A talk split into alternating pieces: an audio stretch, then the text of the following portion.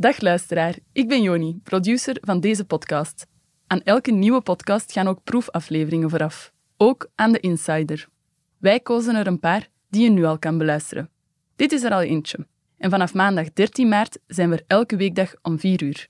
Veel luisterplezier. Dit is de Actua-podcast van het Nieuwsblad. In samenwerking met Nostalgie en GVA.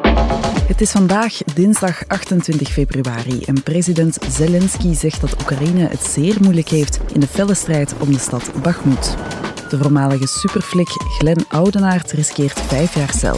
En in Koekelaren ligt de grootste puzzel ter wereld, maar hij mist één stukje. Maar eerst buigen we ons over een opvallend voorstel. Demente ouderen trekken, zodat we hen altijd terugvinden. Een goed idee of een schending van de privacy? Wie? Emilia Cini. Wat? Ze was zeven dagen spoorloos, maar is dinsdag overleden teruggevonden. Waarom? Er is een voorstel om dementerende mensen te trekken met een zendertje. Vandaag is onze insider Arthur de Meijer, reporter bij Het Nieuwsblad. Dag Arthur. Hallo. Arthur, uh, we hebben net het nieuws vernomen dat uh, Emilia Cini uh, overleden is teruggevonden. Nu, um, kan je die situatie nog eens schetsen? Wat is er precies gebeurd de voorbije week? Ja, Emilia Cini, dat, is, dat was een vrouw van 75 jaar die leidde aan dementie. Ze kwam uit Maasmechelen. En afgelopen woensdag, eind van de namiddag, is die uit haar woning verdwenen toen dat ze de vuilnisbakken ging buiten zetten.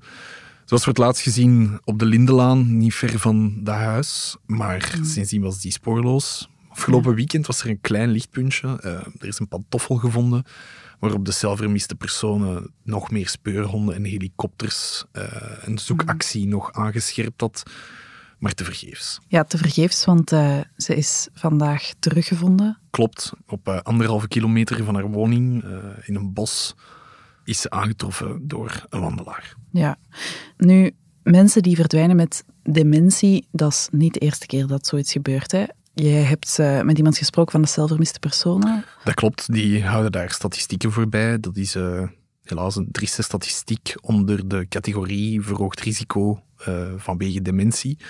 En in 2021 zijn er 80 van die dossiers geopend. 76 daarvan zijn met een positieve afloop afgesloten. Vier personen daarvan zijn overleden. En in 2022 was er al sprake van 96 dossiers, waarvan okay. zes personen in totaal zijn overleden. Een stijging, lijkt mij? Ja, als je een beetje teruggaat in de tijd, dan is er niet echt een lijn in te trekken. Dat gaat een beetje naar boven, naar beneden. Maar uh, het expertisecentrum voor dementie die verwachten wel dat die stijging zich gaat doorzetten. En dat is een heel simpele verklaring, uh, de toenemende vergrijzing. Nu, jij hebt iemand gesproken die denkt een oplossing te hebben voor dat probleem. Vertel. Dat klopt, dat was Koen Kas. Dat is een gezondheidsfuturoloog en professor health tech aan de UU Gent. Dat zijn allemaal heel moeilijke woorden. Wat betekent dat? Ja, um, dat is eigenlijk iemand die technologische oplossingen bedenkt voor gezondheidsproblemen en dat eigenlijk die van overtuigd is dat je het welzijn en comfort, onder andere ook mensen met dementie, dat er technologische oplossingen voor bestaan okay. Om die te verhogen. En uh, we gaan hem even laten horen. We gaan de komende 10 jaar, 15 jaar, door het hanteren van technologieën, nieuwe businessmodellen, naar een gezondheidszorg gaan waar ik betaald word om gezond te zijn. En waar ik naar een hospitaal ga om mij in een preventief bed te behandelen, te coachen in een omgeving, in een, in een staat die mij gezond houdt en die mij verhindert en mij eigenlijk begeleidt om nooit meer ziek te worden. Koen Kas dus, ja, wat is zijn voorstel nu concreet? Hoe wil hij dat probleem van verdwijnende uh, mensen met dementie oplossen? Maar hij stelt, in Japan was dit niet gebeurd omdat ze daar GPS-trackers in de kraag naaien van uh, oudere personen met dementie. En die idee daarachter is eigenlijk dat je op die manier mensen met dementie toelaat om naar buiten te gaan, om eventueel te dwalen, om verloren te lopen en dus ook veilig teruggevonden te kunnen worden. Hij stelt van mensen traceren hun kinderen, hun smartphone, hun wagen. Waarom doen we dat niet met ouderen? Oké, okay. en ja, de eerste vraag die ik mij er dan bij stel is: waar is je privacy naartoe? Die is volledig weg. Hè. Je geeft constant je locatieprijs, dus ja, privacy is in deze relatief onbestaande. Maar volgens die professor is dat eigenlijk geen issue. Hij, is, hij vindt van als je in deze een datapunt uitzet en je kijkt wat je ervoor terugkrijgt, en ik ga hem hier even letterlijk citeren, hetgeen dat je terugkrijgt, is niet opgesloten zitten, uw autonomie, uw vrijheid, een leven te koer, dan is privacy een non-issue. Maar aan de andere kant, het wettelijke kader ontbreekt. Want als we de GDPR-wet op de letter eh, gaan lezen, dan staat daar letterlijk dat je geen medische data moogt Ja, verwerken. dat was de vraag die ik mij ook stelde. Mag dat wel, zo iemand trekken en, en monitoren? De GDPR stelt letterlijk het is verboden om medische data te verwerken, mits een aantal uitzonderingen. En een van die uitzonderingen houdt in dat de patiënt uitdrukkelijk toestemming moet geven. En ja, zou je de vraag kunnen stellen of dat een persoon met dementie dat wel degelijk kan. En een andere uitzondering is dat het noodzakelijk is, het verwerken van die data, voor de veiligheid van de betrokken persoon. Oké. Nu denk ik, wat vinden die ouderen daar eigenlijk zelf van? Of wat vinden de families daarvan?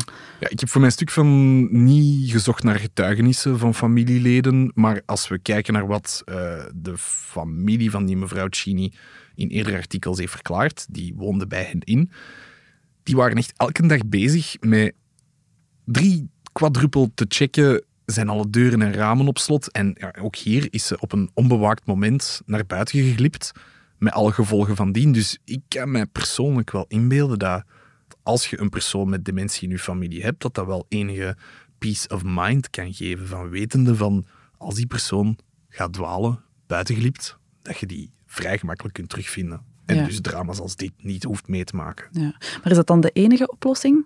Iemand gaan trekken? Je hebt er ook met een, eh, een psychiater over gesproken. Ja, klopt. Ik heb eh, ook naar eh, professor Mathieu van den Bulke gebeld. Dat is zo, misschien dat je die nog kent van topdokters. En in Vlaanderen wordt die beschouwd als de referentie en de expert in zaken dementie en andere cognitieve problemen die te maken hebben met ouder worden. Mhm. En die vindt dat zeker een goed idee van die trackers. Dat kan zeker een deel van de oplossing zijn. Maar volgens hem is het ook wel belangrijk om ervoor te zorgen dat personen met dementie in de eerste plaats niet aan het dwalen slaan. Oké. Ehm, En hoe doe je dat dan concreet? maar pff, ervoor zorgen dat die mensen zich veilig en geborgen voelen, dat eh, al hun primaire noden voldaan zijn. Like, Blijkbaar gaan mensen met dementie vaak dwalen eh, op zoek naar het toilet en ze het letterlijk niet vinden. Oké. En er zijn ook zo'n aantal cruciale momenten dat je echt wel bij de pinken moet zijn. Zo is er een fenomeen dat heet sundowning. En als de zon begint onder te gaan, dat mensen denken dat het werk gedaan is en dat ze terug naar huis moeten. Maar ze zijn al thuis. Ah, dus ja, oké. dan kan het echt wel de moeite waard lonen om even een extra oogje in het zeil te houden. Nu, dit verhaal is tragisch afgelopen. Hoe denk jij dat het zal evolueren? Denk jij dat het voorstel van Concast dat dat in een stroomverstelling zal geraken? Het heeft al sinds wel de discussie geopend. En, eh, ja, en ik denk in deze dat het wel duidelijk is dat dit drama zich niet voltrokken had. Moest die mevrouw een zendertje hebben gedragen. En om nog even terug te komen op die discussie, die wordt nu eigenlijk gevoerd van in hoeverre dat we dat genre dingen kunnen implementeren. Het is niet dat we Big Brother gewijs ouderen met dementie of personen met dementie 24 op 7 gaan volgen.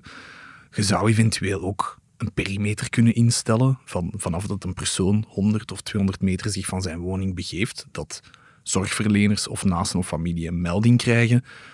Het is dus niet dat je bij wijze van spreken van die mensen kunt volgen of ze nu in de keuken, in de living of op het toilet gaan zitten. Ja. Dat kan ook niet de bedoeling zijn, denk ik. Nee. Zeker voor, eh, voor discussie. Arthur, dankjewel om even langs te komen en het toe te lichten. Met plezier. Goed, er is ook nog heel wat ander nieuws vandaag natuurlijk. En daarvoor gaan we naar onze producer Bert. Dag Bert. Dag Saar. Vertel Bert, wat moeten we nog weten om mee te zijn met de dag Ja. vandaag? Voor eerst nieuws uit Oekraïne. Daar eh, heeft eh, president Zelensky gezegd dat de strijd rond Bakhmut moeilijker en moeilijker wordt voor Oekraïne.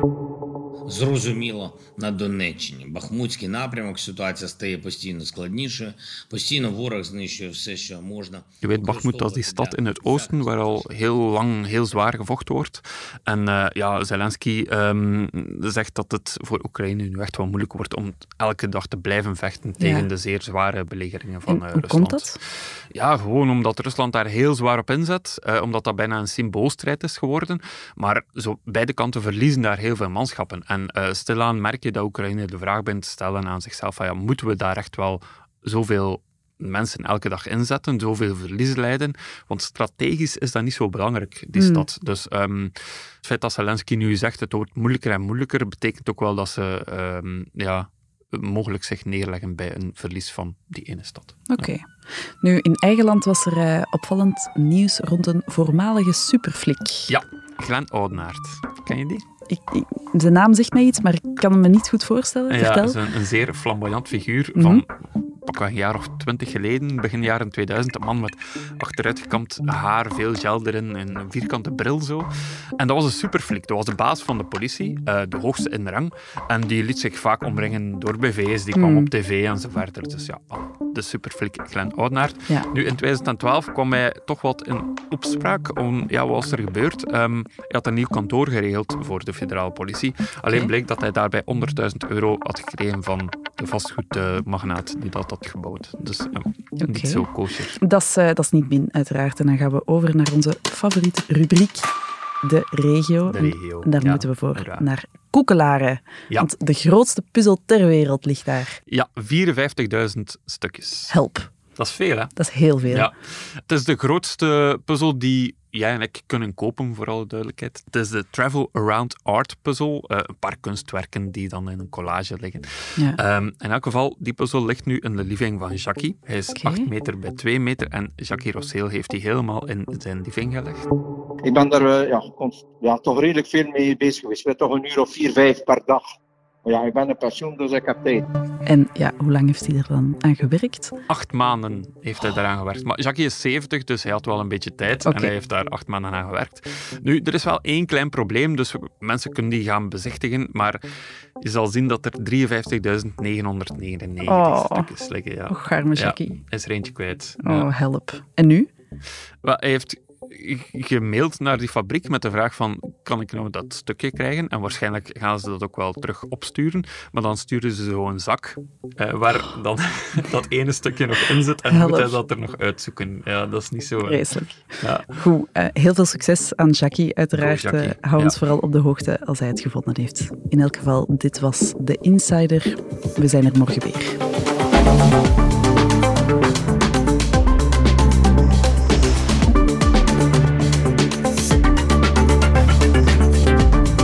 Dit was The Insider, een podcast van het Nieuwsblad in samenwerking met Nostalgie en GVA. De muziek is van Pieter Santens. De montage gebeurde door House of Media. Wil je reageren? Mail naar podcast.nieuwsblad.be.